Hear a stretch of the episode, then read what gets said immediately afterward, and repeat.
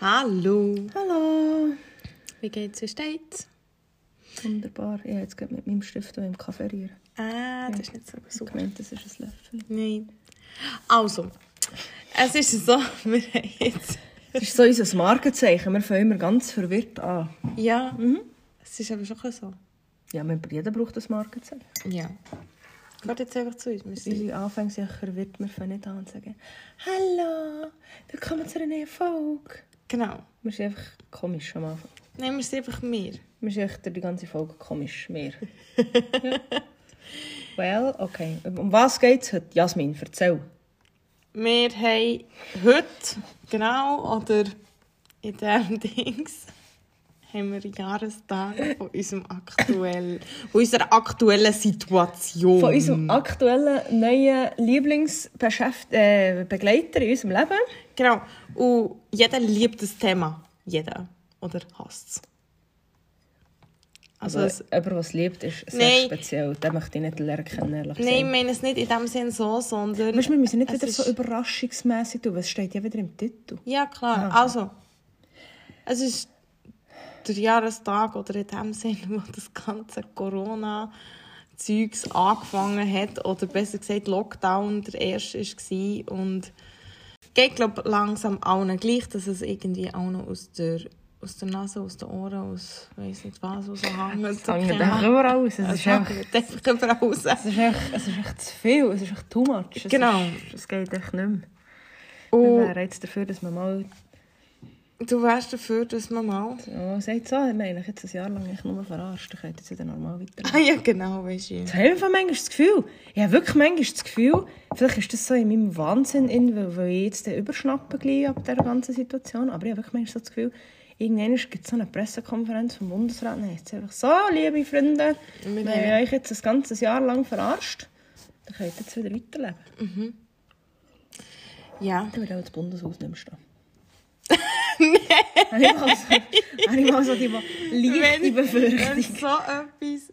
Ist wie, Mann, das wäre mir leid. Das wäre so, vielleicht schaue ich zu viele Filme, aber das wäre so ein Hollywood-reifer Film. So. Ah, bist du auch so eine, die so Verschwörungstheorien Ja, ich bin ein? Verschwörungstheoretiker, dass es gerade alle hier wissen. Und es ist mir scheißegal, was ihr von dem haltet. Aber ich bin einfach der Meinung, dass... Ähm, nicht alles, aber es gibt gewisse Sachen, wo mir einfach ein bisschen geführt werden. Aber ja, Ja. bin ich dafür, also nicht dafür, bin ich der Meinung und ich stehe zu dem. Und, ja. Ich bin mittlerweile sehr neutral geworden gegenüber dem Thema, weil ich finde, es ist zu viel Energie verschwendet, sich aufzuregen ab dem Ganzen und äh, ob jetzt impfen, nicht impfen oder äh, Schissmaske, ja super die Maske, äh, ja.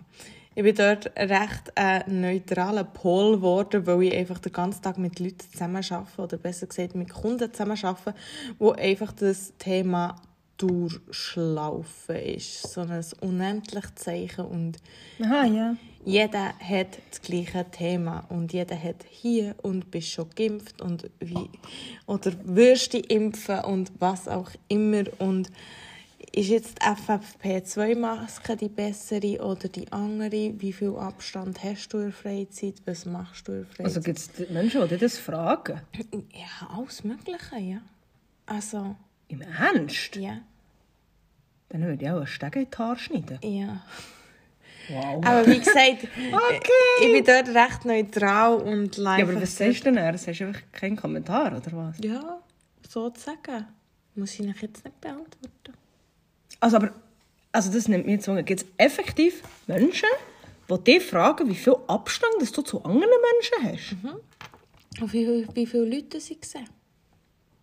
Also- in ihrer Freizeit. Also so. fragen sie das aus Interesse, weil sie vor dir hocken und von dir die Haare schneiden, oder weil sie einfach... äh, weil sie einfach Weil sie sehr Respekt haben. Und sehr Schiss. Und sehr, ja. Okay, so jemand würde ich den Glatze rasieren. Dann würde ich sagen, der kommt nicht zum Coiffeur, wenn du Angst hast. Nein, genau, schau, das ist genau das, was mich aufregt ich, an diesem Thema. ich weiss es, ich weiss es. Das, Ich meine- das nervt wie Morgen. Nein, es nervt mich. Aber ich, also weißt, du, ich tue auch mit niemandem über das reden, weil du darfst ja, musst ja immer aufpassen, wem das du was sagst, weil sonst wirst du ja plötzlich Das ist ja das, was ich sage. So? Weißt du, ja, jeden Tag so viele verschiedene Leute und jeder Und wirklich jeder hat eine andere Meinung dazu. Und deswegen habe ich angefangen, mich recht neutral zu verhalten, weil ich mache einfach nicht mehr... Weil ich mache einfach nicht mehr. Nein, nein, das Und ich verstehe mache es ich. Einfach auch ich nicht mehr so. Aber ja, darum sage ich, ich verstehe alle, die Homeoffice haben und was langweilig ist und so, aber ich wünschte zwischendurch, dass ich Homeoffice machen kann. Ich wünschte es zwischendurch. Aber siehst du, ich wünsche mir, dass ich mal wieder, dass ich wieder ein bisschen vermehrt, also nicht ins Büro könnte, aber ich meine, ich mache jetzt seit einem halben Jahr Homeoffice. Ich meine, das ist noch nicht lang. Es gibt solche, die machen seit einem Jahr Homeoffice jetzt. Aber, also weißt, ich bin gerne, ich gerne daheim am Arbeiten und so. Es ist eigentlich voll easy. Aber manchmal, wenn ich ins Büro muss, ich meine, ich bin allein im Büro, wir dürfen nur eine Person ins Büro. Und ich, sorry, ich vereinsame der. Die letztes Ja. Mal, haben eine Teamsitzung habe ich meinem Chef gesagt, ich vereinsame im Fall mehr, wenn ich im Büro bin allein, als wenn ich daheim bin. Weil ich wünsche manchmal, jetzt haben, wir eben, jetzt haben sie geschaut, dass wir wenigstens vielleicht wieder zu zweit dürfen gehen. Aber ja, ich meine, ich weiß nicht, manchmal wünschte ich mir, weißt, so ein bisschen... Und du merkst es im Fall auch an den Leuten, die mir manchmal anrufen, weißt, innerhalb ähm, vom Geschäft, Ja. wo, wo dann reden sie lang mit dir. Du merkst richtig, dass diesen Leuten weißt, der Austausch fehlt. Ja. Und ich meine, es gibt manchmal Leute, die mir anrufen, wo, wo ich nicht hure viel mit ihnen zu tun habe. Dann erzählen sie und reden und reden und reden. Und du denkst einfach so, ja, ich sollte mal wieder weiterarbeiten. Ja, Also ich wenn- kenne das aber als die Kunden, die kommen und reden und reden und reden und reden und reden und du denkst, hey, jetzt habe ich dann noch zwei andere, die genauso viel Ah, reden meinst, und ich kommen jetzt einfach dann nicht mehr reden. weil sie wollen reden? Ja, es ist Ferien. Dann kommst du am Abend daher und redest mit mir. Zum Glück kann ich so viel schnurren. Nein, Also aber... wir sind ja da gar nicht Corona-konform, das weisst du schon, gell? Ja, Wir rocken da nicht mal einen Meter raus. ja, aber wir sehen sehr so viel. Eben, ja. Rolle mehr. Ist egal. Macht nichts. Wir sind die Ausnahme. Am Anfang haben wir noch sagen, ja, wir hocken da schön auseinander. Ich habe von Podcasts mal gehört, die gesagt haben, sie, ähm, sie tun jetzt wegen Corona sie zusammen den Podcast aufnehmen und zusammen telefonieren. Ja. Also, äh, ah, wir nicht. Hey, Okay. das machen wir definitiv nicht. Ja. Nein, aber weißt du, was ich will sagen, es, es regt mich ja nicht auf. Aber ich finde, mein Bär hat mir letztens eine Geschichte erzählt, wenn ich so müssen sagen mhm, gut, solche Leute, ich weiß nicht. Mein Bär ist mit seiner Frau spazieren und dann ähm, sie sind irgendwie so nebeneinander gelaufen. Ich weiß nicht, ob ich das schon erzählt habe. Sie sind irgendwie nebeneinander gelaufen, haben so geredet und sie waren draußen gewesen, und spaziert. Dann sind sie irgendwie so nebeneinander gelaufen, haben zusammen geredet und dann ist ihnen ein Ehepaar, also einfach ein Paar entgegengekommen. Und die sind, glaube ich, irgendwie hintereinander gelaufen, keine Ahnung. Und dann sind sie, haben sie sich so gekreuzt.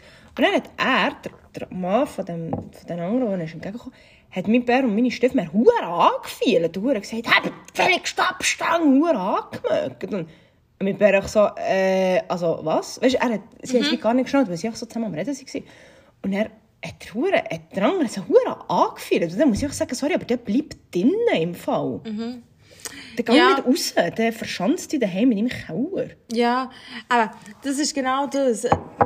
Unsere Gesellschaft wird jetzt gerade gespalten. Ja, Und zwar nicht nur ein bisschen, sondern sehr. sehr heftig. Ja. Sehr heftig, weil es gibt die Corona-Gegner, also wirklich Strub-Gegner, Verleugner, keine Ahnung was, in dem Sinn, die sagen, ja, das stimmt ja alles gar nicht. Äh, und überhaupt. Und dann gibt es die, die Angst haben, haben Panikdings und weiss der Gucker was. Und Dann gibt es noch die mittleren. und dann gibt es noch die mittleren. Ich bin der Mittel. Puh, wieder mal eins. Ich bin eher gegen... Die eine Seite. Gegen die Seite, genau. Das ist jetzt schön ausgedrückt. Gell? Jetzt habe ich ein Wort gesucht. Ja, das ist gut Ich bin gegen die eine Seite. Genau. Nein, aber Merkt man vielleicht. ich, ich finde auch, ja, es ist immer wieder, ja, die Zahlen und ja, sie gehen rauf und ja, es ist so und ja, aber Okay, wie viel hast du jetzt in einer ja, es, Sekunde es, ja tut, es tut mir leid, ich bin jetzt gerade meinen Satz am Studieren, weil ich es wie korrekt ausdrücken. Also wir haben jetzt heute Also wir sind hier nicht mehr politisch korrekt Nein, nein, nein, nein, aber, aber, aber ich, ich will. es jetzt korrekt ausdrücken. Also wir haben heute irgendwie, nein, einfach Beispiel, wir haben heute irgendwie 1300 Ansteckungen gehabt. Keine Ahnung, ich schaue keine Ja, item. Es ist jetzt reine Spekulation, ungefähr dort durch. Aber wir haben etwa 64'000 Tests gehabt heute. Also, wo geht es auf? Aber das sage ich ja schon lange. Aber- es geht nicht auf. We- we- also, es sind, nicht, ist? es sind nicht die genauen Zahlen jetzt von heute. Äh, wir haben es heute schnell irgendwie durchgeschaut, darum weiss ich ungefähr, wie es aussieht. Aber so der Vergleich zu die, die getestet wurden, zu denen, die angesteckt sind, das geht doch nicht auf. Also, Und vor allem, schau doch es ist einfach noch, nicht, es ist nicht logisch. Schau doch dann auch noch den Vergleich zu, wie viele sind davon noch gestorben. Ja, eben. Ja. Es, es, es, ist, es ist wie. Ich, ich bin nicht Verleugner von dem Ganzen, aber irgendwo durch habe ich das Gefühl, es geht nicht auf. Es ist nicht logisch. Also ich sage es mal so ausdrücken. Oder bin ich blöd? Nein, nein, überhaupt nicht. Ich sage so, dass ich das Gefühl habe, also ich bin der Überzeugung, dass es das Virus gibt. Ja. Es gibt es, es steckt viele Leute an, Ja. es ist offenbar, die Verläufe sind offenbar gefährlicher, schlimmer für gewisse Personen, Für gewisse aber auch nicht. genau. Das aber, weiss man nicht genau, welche oder welche nicht. aber ich bin sehr, sehr stark der Meinung, und das tut jetzt auch, äh, würde mich auch jetzt jeder als Verschwörungstheoretiker herstellen, dass uns einfach etwas verschwiegen wird. Sorry, ich habe einfach das Gefühl, nicht, nicht, dass es das Virus nicht gibt. Das Virus, das gibt es, das ist keine Frage. Aber ich habe das Gefühl, dass irgendetwas, eben so wie du sagst, es geht, wie irgendwo geht es nicht auf. Ja. Es, es hat so viele Ich- ich- Spekulationen. Ich sehe die und- und- Logik und- hinter dem Ganzen nicht. Weil, wenn es so dramatisch und schlimm und ich weiß doch auch nicht, was wäre, würden hier in Bern reihenweise Leute umkippen Das ist ja die und Definition von einer Pandemie. Gell? Wenn du Dann macht es ja Pandemie, bam, Ja. bam, bam, bam, bam. also wenn du eine Pandemie Und dann gehst, stehst du allein und 20 Nasen neben dir sind tot umgekehrt. Aber ja, das ist Oder? ja der Begriff von einer Pandemie. Wenn du eine Pandemie im Lexikon gehst, nachlesen, heisst es, die Leute fallen tot um. Aber Ist, passiert das hier? nein, Also. nein. Es passiert nicht. Und es sind am Samstag so viele Leute in der Stadt wie schon lange nicht mehr, weil jetzt die Läden wieder offen sind und alles mögliche, was ja mega cool ist und je, man kann shoppen und so und so weiter. Nicht, dass ich jetzt muss shoppen weil es mir einfach nicht gelustet. Ja, ja, ja. Und ja, ich kann noch ein bisschen Geld sparen, weißt von dem her ich muss nicht weiterfahren mit dem Zeug. Konsumzeug. Ja. Item. Aber es geht im Fall keinen Tod um in dieser Stadt. Ich habe noch keinen gesehen, der einfach gemacht hat, Ich habe ja, habe ich das schon mal in einer Folge erwähnt? Oder habe ich Was? das noch nie erwähnt? Oder habe ich das einfach schon gesagt? sonst denkt Das hat mich auch schockiert. Was? Das hat mich echt schockiert. Und das ist jetzt nicht etwas, das ich aus Quellen habe wie in einer Zeitung, weil man muss Medien sind mit Vorsicht zu genießen. Ja, das ist es so. Aber- auch unsere, unser Podcast. Mit Vorsicht zu genießen? Ja. Wieso wir hier keine Fakten offenlegen? Wir einfach, was wir das Gefühl haben. ja. Ja, geben. erlaubt, oder? Nein, ähm, ich habe... Meine Mom hat mir letztens von einer Begegnung erzählt, die sie hatte mit einer Frau, die sie irgendwo getroffen hat. Ja. Wir sind, sie sind dann irgendwie ins Gespräch gekommen und die Frau hat erzählt, dass sie eine Bekannte hat. Und dieser ihre Bekannte... Äh, nein, sorry. Der, ihre Bekannte, der ihre Mann, ist an einem Hirntumor gestorben. Und der hatte einen Hirntumor gehabt und ist an dem gestorben. Und dann ist scheinbar die Frau von dem verstorbenen Mann gefragt worden vom Arzt, ob es ähm, sie würd, für sie in Ordnung wäre, wenn sie ihren Mann als Corona-Toten würde erfassen. Ja. Und er hat die Frau so gesagt, äh, nein, sicher nicht. Und eben, wie gesagt, es ist zwar schon aus dritter Hand, quasi, als ich es gehört habe, aber meine, meine Mama hat mir das erzählt und Nein, ich so müssen sagen, sorry, aber ich glaube darum im Fall einfach das. Und es ist auch Also ich habe auch das Gefühl, dass es langsam, je nachdem... Also... Weißt du, sie viel, sie tun viel äh, Tote, also das heisst ja in Italien, ich weiß nicht, ob das stimmt, das weiß ich echt nicht, ob es stimmt, aber sie haben ja, hat es ja geheißen, dass es in Italien dann zumal sind ja sogar Verkehrstote unter Corona-Toten Ja, abgestempelt das habe ich auch irgendwie gehört. keine Ahnung, ob das stimmt. mitbekommen Das ist, so, wie gesagt, aus den. Medien gewesen. Das sollte man ein bisschen Vorsicht genießen und äh, vielleicht stimmt das auch nicht. Aber weißt meine, wenn du nach solche Geschichten hörst, denkst du einfach so, äh, darum sage ich, was wollt ihr uns genau Ja. hier mitteilen oder eben nicht. Also, darum Ja. finde ich, ich weiß nicht, ich, ich habe mir jetzt angefangen, wie gar keine Meinung mehr zu dem zu bilden, weil ich so finde, Ab, ja, aber... ich sage gescheiter nicht mehr. Nein, es ist wirklich sonst gescheiter, weißt du, so sagst du ja, ich sage lieber nicht mehr, weil dann ecke ich nicht gut an. Aber, aber, aber das ist doch eigentlich falsch. Ich Das, aber genau, ja, das ist wirklich falsch, weil es ist eben wirklich einfach im Moment so, dass unsere äh, Gesellschaft extrem gespalten wird, eben durch die eine Seite oder die andere Seite. Ja. Und das ist eigentlich ein moderner Krieg. Ja, bös gesagt, ja. Weil, wenn du nicht die Masken anlegst, wenn du nicht den Abstand hast, wirst du von demjenigen angefühlt wie ein Mohren. Wenn derjenige die Maske überall an hat und überhaupt, wirst du von dem hier angefühlt, wieso dass er jetzt auf dem Feld zmitzt, oder zmitzt im Wald oder so eine Maske anhat, wo es eh auch kein Coronavirus rum hat. Ja, dann gehe ich so gerne in den Wald. Das ist noch der einzige Ort, wo keine Maske musst anlegen Ja, aber ich arbeite jetzt seit ähm, April, Mitte April mit Masken. Ich Und das, nicht, Tag, ich und das tagtäglich. Ich, Und, weiss- ich weiß nicht, also ich, ich weiss, wenn ich oben im Büro bin, muss ich auch eine Maske anlegen, weil schreissen mir das Ding, wenn ich sobald ich reinstehe, habe, schreissen mir das Ding vom Gesicht Ja. empfangen, weil es einfach nervt. ja.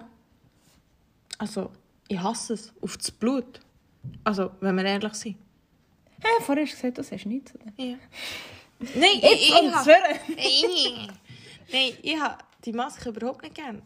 Und die geilste Frage ever von jedem zweiten Kunden so, habt ihr nicht schon die Maske gewöhnt? Oh Gott.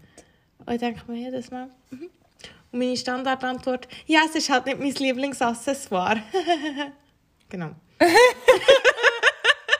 das ist meine Standardantwort für jeden, der mich die blöde Frage fragt. Und ich so Ich würde sagen, finde, ich würde sagen, ja, lass mich doch einfach lassen. ich laufe schon mit 10 Jahren mit dem Ding um. Was hat er eigentlich das Gefühl? Oder Oh Gott. ich bin ja eh eigentlich Coiffeuse gelernt und nicht Chirurgin oder so. Ja, ja.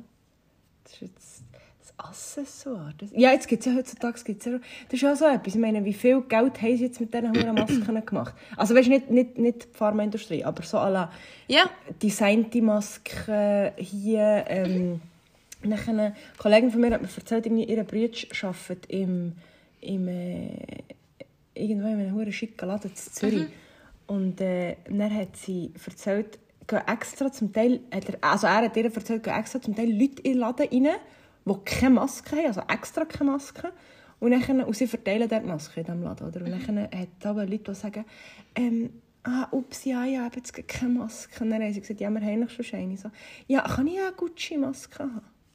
Weil sie eben so, weißt, so spezielle hatten. Mhm. Und dann hat irgendwie der Bruder von Kollegen mal so gesagt, ja, wir haben nur noch echte. Oder nein, wir haben echte normale. Mhm. Und dann sie sind gerade betüpft. Weißt du, weißt du, ich denke, so, diese Gesellschaft ist hure dumm, sorry, ja Mann. also... Du legst extra keine Maske, dass du mit der Gucci-Maske bekommst. Ich meine, schläft Meine Nerven. Aber es ist also dann so ein. Modetrend. In dem Sinne, es muss noch Paillettchen drauf haben und es muss noch hier und es muss noch da. Nein, sorry im Fall. Weißt du, was ich das Schlimmste finde? Was das ganze Corona hier macht? Ich finde das u, u, u schlimm. Was es mit den Kindern macht. Ja. Finde ich im Fall übelst. Weil es gibt mittlerweile schon Kinder, die sagen, ah, mega cool, ich will hier eine Maske anlegen. Ja. Hey, ich denke, so, das ist im Fall nicht cool. Das Hört ist auf, das den ja. Kindern zu vermitteln. Und Ja. ich meine, es hat auch schon Kinder, also ich, ich, ich, wir waren ja schon irgendwo unterwegs, gewesen, wo wir gerade, weißt du, vielleicht vergessen hast, Maske anzulegen. Und dann ist es so alle, weißt du, so, nein, schnell leg eine Maske, weil sonst stirbst du plötzlich noch. Hey, dann denke ich mir so, hey, das sind Kinder. Ich meine, stell dir mal vor, was das mit dieser Psyche macht. Wenn ich keine Maske anlege, dann...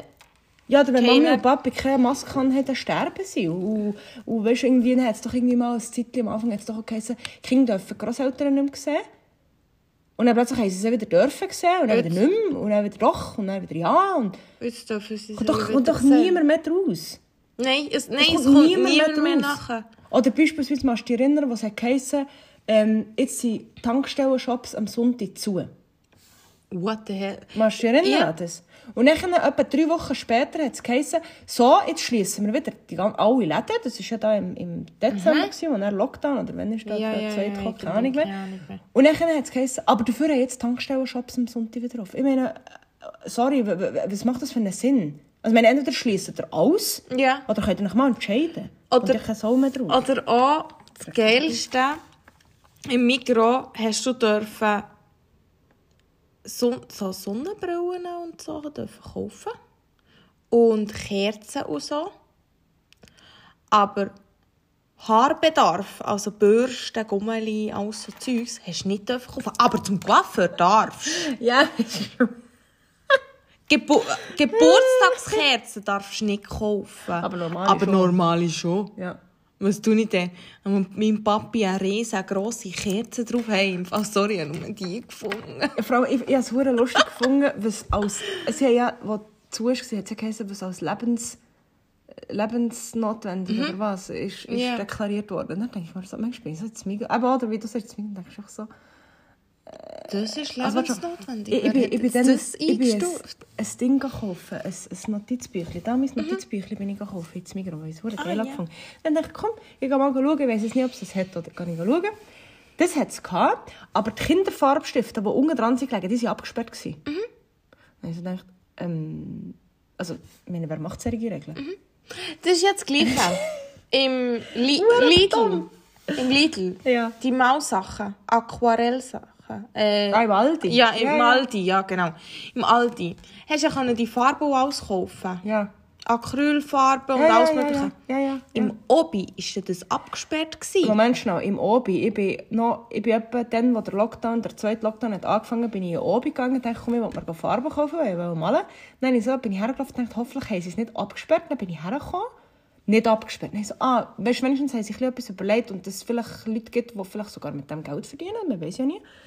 Habe ich Farben gekauft. Dann zwei Wochen später habe ich nochmal etwas gebraucht, bin ich hergegangen und dann war es abgesperrt. gewesen. Ja, aber Wandfarbe hast du kaufen. Ich so, äh, Ich, ich, ich, ich, weißt, Acrylfarbe darfst du nicht kaufen, aber Wandfarbe kannst du kaufen. Ähm, ja, okay. Es sind einfach so sättige Sachen, so kleine Sachen, die einfach nicht logisch sind, die auch keine Struktur haben. Äh, nein, es hat null mit- Struktur es hat, hier, das. Ganze hat keine Struktur und nichts. Wenn du wenigstens kannst du sagen, es hat eine Struktur, aber es hat nothing. Und vor allem, weißt, das Lustige ist ja auch, das ist ja auch so ein Gesellschaftsspalter, was es hier macht, ist, jetzt lehne ich mich auch wieder ein bisschen weit aus dem Fenster, aber hm. ihr wisst ja, wie ich. Geh und Busse. Spring! Spring und land auf der Schnur. Ja. Nein, ähm, äh, dann jetzt da, wo, weißt, ich finde es ja, ich persönlich finde es ja beschissen, dass das Restaurant zu ist. Weil ich gehe gerne in ein Restaurant zu Ja. Nacht essen, ich gehe würde auch gerne mal wieder in eine Bar gehen, etwas trinken, aber okay. Aber jetzt haben sich ja die Gastrobetriebe haben sich ja dieser beschwert, was ich absolut kann nachvollziehen kann. Ja. Aber dann denke ich mir so, hey, geht mal in andere Länder. Geh mal auf Amerika. Geh mal auf Amerika und hab dort ein Restaurant. Oder geh mal auf, keine Ahnung woher. Dort heisst es, weißt du, friss oder stirb. Entweder hast du Geld oder du musst halt deine Bude zutun. Ich meine, hier bekommst du wenigstens Geld über, auch wenn es nicht der Haufen ist. Aber es ist so wieder, wir sind hier wieder so in einem, wir müssen wieder ein bisschen Probleme suchen. Und hier und hier und hier. Ja. Weißt du, ja. ist jetzt vielleicht ein bisschen frech gesagt, Ja, weil ich ist- nicht in diesem Bereich arbeite, aber Ja, ich kenne ah, dort auch das jemanden, also, ja, Ätherpateten, das nervt. ja, es ist schon so. Aber ich habe jetzt zum Beispiel auch noch Kunden, die ähm, dort schon, also im Restaurantbetrieb, in dem Sinn, im Gastrobetrieb arbeiten. Und der hat jetzt zum Beispiel ähm, noch, also ich weiß nicht, wie es jetzt ist, der letzte Stand ist, glaube ich, vor ähm, einem Monat oder so, den ich hatte. Aber er hat bis dann noch kein Geld gesehen. Also, nada. Was sie zu, zugesprochen haben in dem Sinn. Und sie haben Schwein, dass der Bund die Hälfte der Lokalität zahlt. Also, eben, der Bund zahlt das. Also, unsere Steuern. Eben, ja. Ähm, Aber geh mal in ein anderes Land auf Land, ja, dass ja, ja. der Bund zahlt, dann heisst es Tschüss, oder Ja, Wiedersehen. Aber, und der Rest, also die andere Hälfte müssen sie nicht zahlen. Also in dem Sinne, sie haben dort wie Glück, dass sie das Zeug eben auch nicht müssen zahlen müssen. Klar schießt es auf der einen Seite an und klar ist es scheiße. Hast wie noch kein ähm, Geld gesehen oder so. Und das verstehe ich auch, dass es dein Baby ist, das du hast aufgetan und gemacht hast und da hast. Und überhaupt, und ich würde auch so gerne wieder essen, ums Verrecken, eigentlich. Würdest du auch alles machen dafür? Ja, aber eben, ich sage, ich meine, hier hast du die Möglichkeit, auch wenn du jetzt kein Geld hast, Genau. der Bund zahlt dir die Hälfte von deinen Steuern, der Rest, äh, von deiner Miete, den Rest musst du nicht zahlen. Ja. Ich meine, mach das mal in einem anderen Land. Ja. Das heisst, Das ist- was? Sorry, äh, Bund, etwas zahlen? Mhm. Nein, tschüss. Für, dann hast du auch kein, hast auch kein Restaurant mehr. Dafür streicht der Bund jetzt andere Sachen, die nicht nötig sind. Ja, natürlich, ja. Also weißt du, Jetzt zum Beispiel, das hat ja mir Bundesrat das hat mir meine Lehrer... Nein, Streichen sie die Steuern? nein, leider nicht.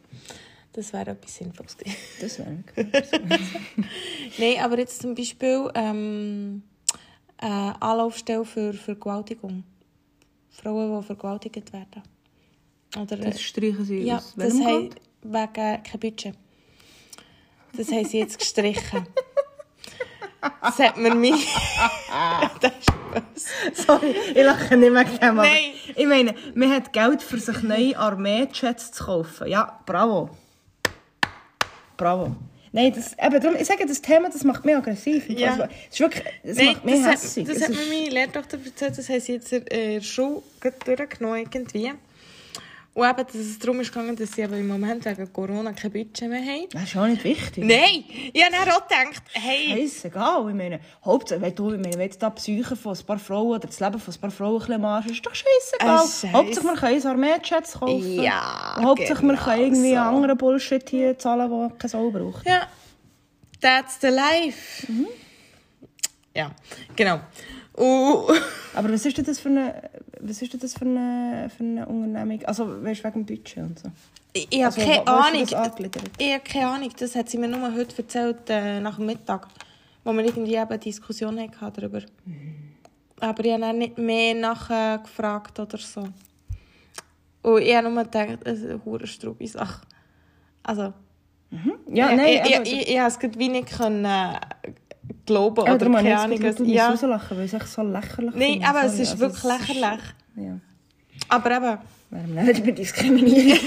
Nein, aber eben, das ist, ich finde, weißt, es ist so wie, ich ich bin der Meinung, ganz ehrlich, ich möchte nicht Bundesrat sein. Nein, das ist überhaupt nicht. undankbarste Job, den Aber- du seit einem Jahr kannst haben aber ich muss auch ganz ehrlich sagen, erstens mal haben sie sich selber lassen aufstellen Also, sie auch, ein Bundesrat hier in der Schweiz hat auch noch nie so viel zu tun gehabt wie jetzt. Aber sie haben sich lassen aufstellen also haben sie ein gewisses Risiko, gewusst, dass ein gewisses Risiko kommt. Aber die Menschheit braucht immer einen Sündenbock. Und im Moment ist der Bechse einfach der Sündenbock. Also es ist einfach do, do, do, do, do. Der macht alles falsch, der ist blöd und überhaupt. Oder der macht alles richtig oder überhaupt. Und es ist ja nicht... Rein theoretisch ist es auch nicht mal 100% seine Meinung. Er muss einfach das, was sie alle zusammen beschlossen haben, muss er vortragen.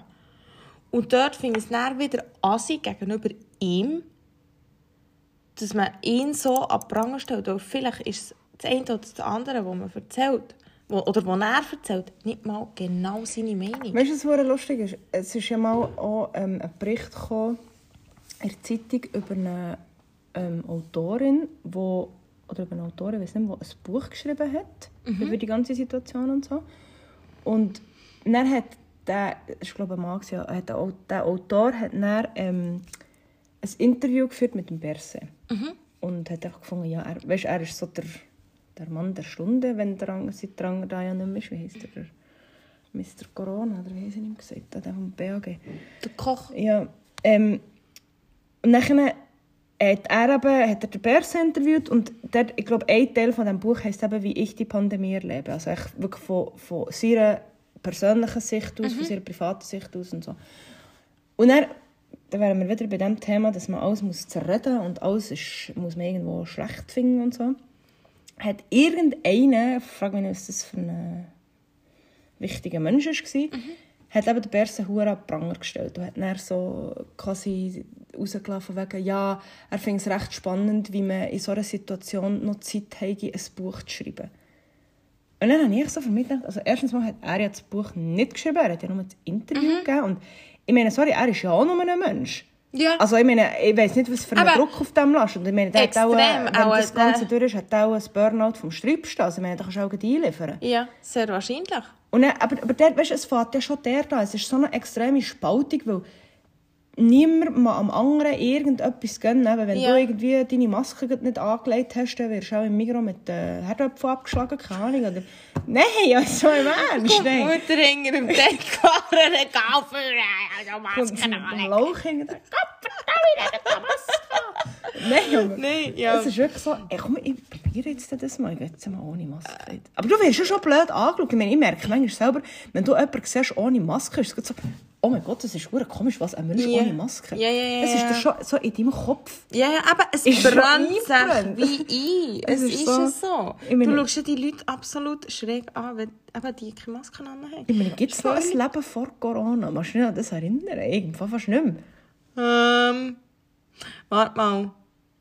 Ich war noch in einem Konzert im Bierhübeli am 16. Februar oder so. Vor einem Jahr. Ja, das nehme ich an, nur nicht das Jahr. Hey, Was? schön wär's. Nein, aber was ich im Fall auch, aber was Ganz ich, geil was ich noch gemeint habe, was von den Kindern, also weißt du, was, was es mit den Kindern macht, finde ich im Fall auch wirklich Ja. übelst. Weil Nein, aber es ist einfach äh, äh, eine Hirnwäsche. Sorry.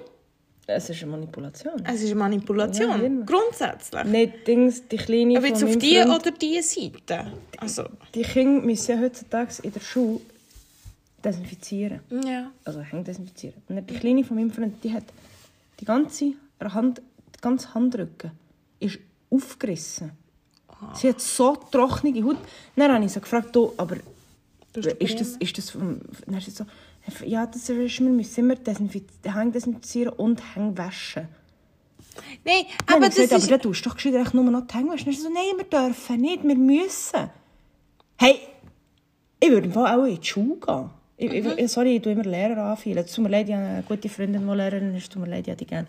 Aber äh, ich, ich weiss, dass das niemand machen aber ich meine, du kannst doch die Kinder nicht... Also, hey, die hat wirklich... Der Handrücken ist Ich offen. muss dir schauen, so. Es bringt nichts, wenn du mit Creme drüber gehst. Und ich habe extra eine dermatologische Creme, die ich einmal habe bekommen für Haut...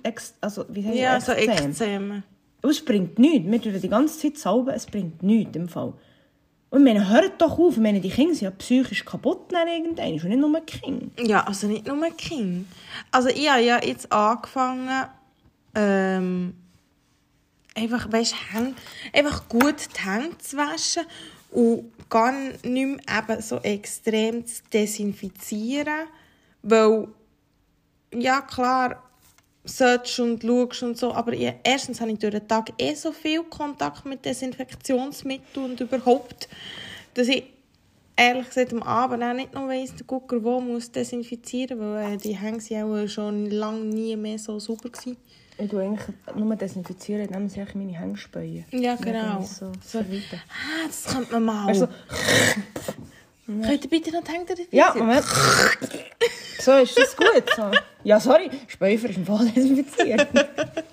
Also so, ist das gut? Nein, Nein, aber was ich darum die ganze Gefahr oder das ganze drumherum, was ich sehe, ist, dass wir, weil wir so ultra über hyper äh, clean sind worden oder probieren zu werden, dass wir einfach auch die guten Bakterien abtöten und die Sachen abtöten, die wir grundsätzlich brauchen, für dass wir eben unser Immunsystem können stärken können. Ja.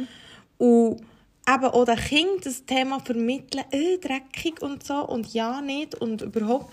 Und, Sorry, ich habe noch gelernt, als Kind, man frisst mal ein bisschen Sang im Sangkasten. Ja, Das tut dir gut. ja, ja, eben. Nein, aber weißt du, wie so Zeugs? Ah, habe ich dir die Story erzählt vom Bus mit dem Kind? Also ich bin im Bus gehockt, gell, alle Masken, alle schön seriös und so. Und, und, und. und dann, Das Kind nur gekratzt. nein, jetzt muss ich hören, Mutter eingestiegen mit dem Kinderwagen und dann ist ein dreieinhalbjähriger Gil oder so eingestiegen. Und noch im Kinderwagen eben das Kleinste. Und dann hat sie da etwas genossen oder im Kinderwagen und der Gil dort so dort, dort ein bisschen rumgeschaut und so. und alle haben das Kind beobachtet. Und die Mutter schaut so über und dann das Kind die Zunge an der Stange vom Bus entlang. Also diesen Halterstangen, die jeder anlenkt. Hey, Und ich bin dort gehockt und mir hat es fast geputzt vor Lachen. Ich konnte nicht mehr. Können. Das Kind schlägt einfach die Stangen ab. Und dann hast du die schockierten Gesichter von diesen Leuten gesehen. Ja, und die Mutter auch.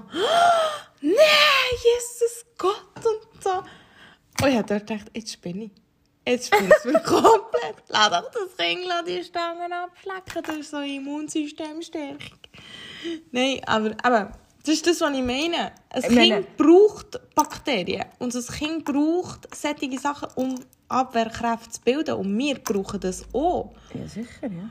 Und dann ist es doch viel gescheiter, dass wir halt zwischendurch ein bisschen mehr mit so Bakterien und Viren in Kontakt kommen, als dass wir immer alles abtöten und dann halt zusätzlich schauen, dass wir uns gut ernähren, dass wir Vitamin C zu uns nehmen, dass wir genug Sonne zu sich Bewegung. nehmen, Bewegung haben. Wenn es keine Sonne hat, nehmen wir Vitamin D-Tabletten und sonst noch ein Schüsslersalz.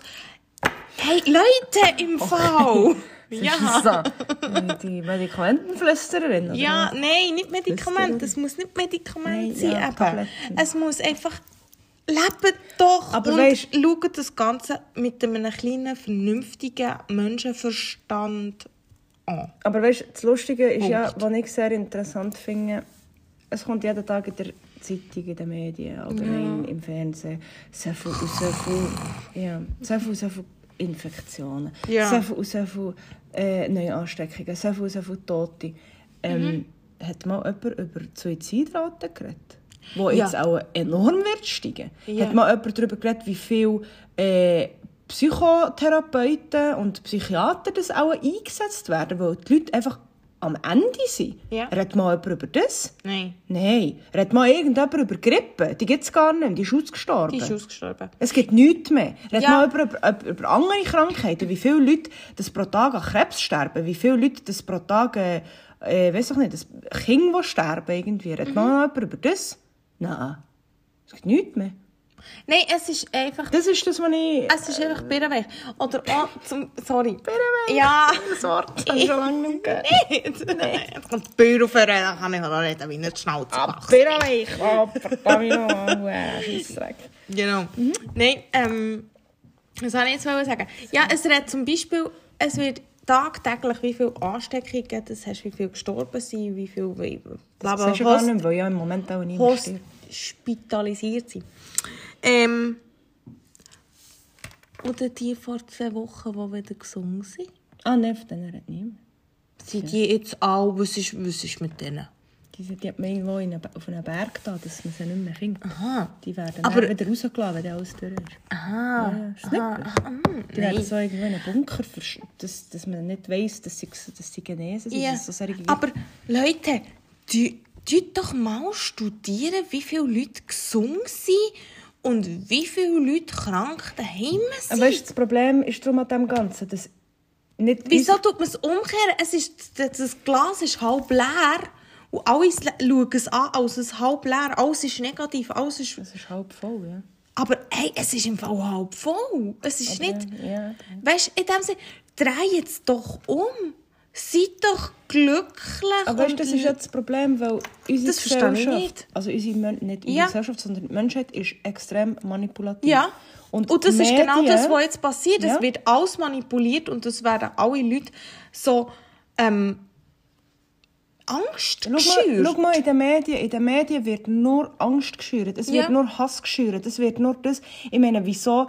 Gang mal, wenn du in einer, in einer Online, gang mal die Kommentare lesen über irgendein Thema. Ja, ja. Ich bin froh, dass sie manchmal bei diesen Themen keine Kommentarspalten machen im Fall. Ja. Weil es gibt so viel Hass und es gibt so viel, äh, weiß ich nicht, irgendwie Angst. Und man sagt, ah, jetzt ist er 30. Weißt du, ich meine, du sagst, 30-Jähriger gestorben, Corona. Ja, und dann, was machen die Leute? Oh mein Gott, ich bin auch 30. Oh mein Gott, jetzt sterbe ich da. Oh mein Gott, oh mein Gott, oh mein Gott. Ja, ich bin erst 25. Ja, ich bin auch schon gestorben, weil ich bin 31. Also, nein, weißt du, ich denke mir dann so, es Ja. ist so, klar, ich will es nicht verleugnen. Nein, ich überhaupt auch nicht. Ich meine, ich möchte den Respekt haben den Leuten gegenüber, die jemanden verloren haben an dem Ganzen. Das ist alles Sehr schlimm. traurig, dramatisch und Aber hey, es gibt auch Leute, mit Herzen bei euch. Ja, aber es gibt auch Leute, die Angehörige an Krebs verlieren. Ja. Oder an Suizid. Weißt du, Oder- oder, an Autounfall. Ja. Und über das wird nie... Ich meine, Also es- schau es mal die Thema Statistik mehr. an, wie viele Autounfälle das es pro Tag in der Schweiz gibt. Wie viel? Mhm. Auch tausendmal mehr als Corona-Neuansteckungen. Aber über das Das redet niemand. nicht.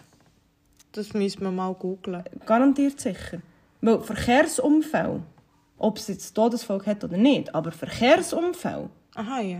ich meine, also ich weiß nicht, wir können es gerne mal gehen Ja, es würde mich jetzt gerade interessieren. Aber wie viele Verkehrsunfälle gibt es pro Tag in der Schweiz seit Jahren? Mhm. Oder auf der Welt? Aber das redet niemand. Weil es, so schon, es ist schon so alltäglich. Ja.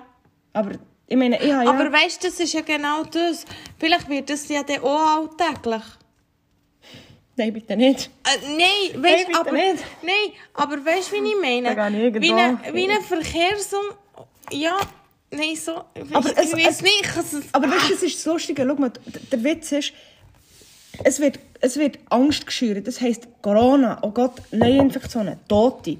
Jeder isoliert sich, oder nicht jeder, aber viele isolieren sich und denken, nein, ich will niemand mehr sehen, nein, ich will niemand mehr von meiner Familie, nein, nein, nein, ich will das nicht mehr. Ich muss eine Maske legen, ich muss meine Hände desinfizieren. Aber jeder Vollidiot steigt, steigt noch in ein Auto rein. Obwohl Verkehrsunfälle, ich meiner Meinung nach würde behaupten, dass die eben, wie gesagt, viel höher sind. Ja. Aber es steigt jeder Vollidiot noch in ein Auto rein. Ja. Und jeder Vollidiot nimmt noch sein Handy für am, am, am Während dem Autofahren. Autofahren, ja. Aber das ist im Fall auch gefährlich. Das Ja. würde ich sagen, ist noch gefährlicher, vor allem auch für Junge. Ah, definitiv. Aber über so etwas redet niemand, weißt du? Hm. Es geht nur darum, das, was man effektiv... Weißt du, es ist etwas Grosses und es ist auf der ganzen Welt. Aber Ja, auch. Verkehrsunfälle, auch Krebs, auch Suizid gibt es auf der ganzen Welt im Fall. Es ist definitiv so. Ja. Darum.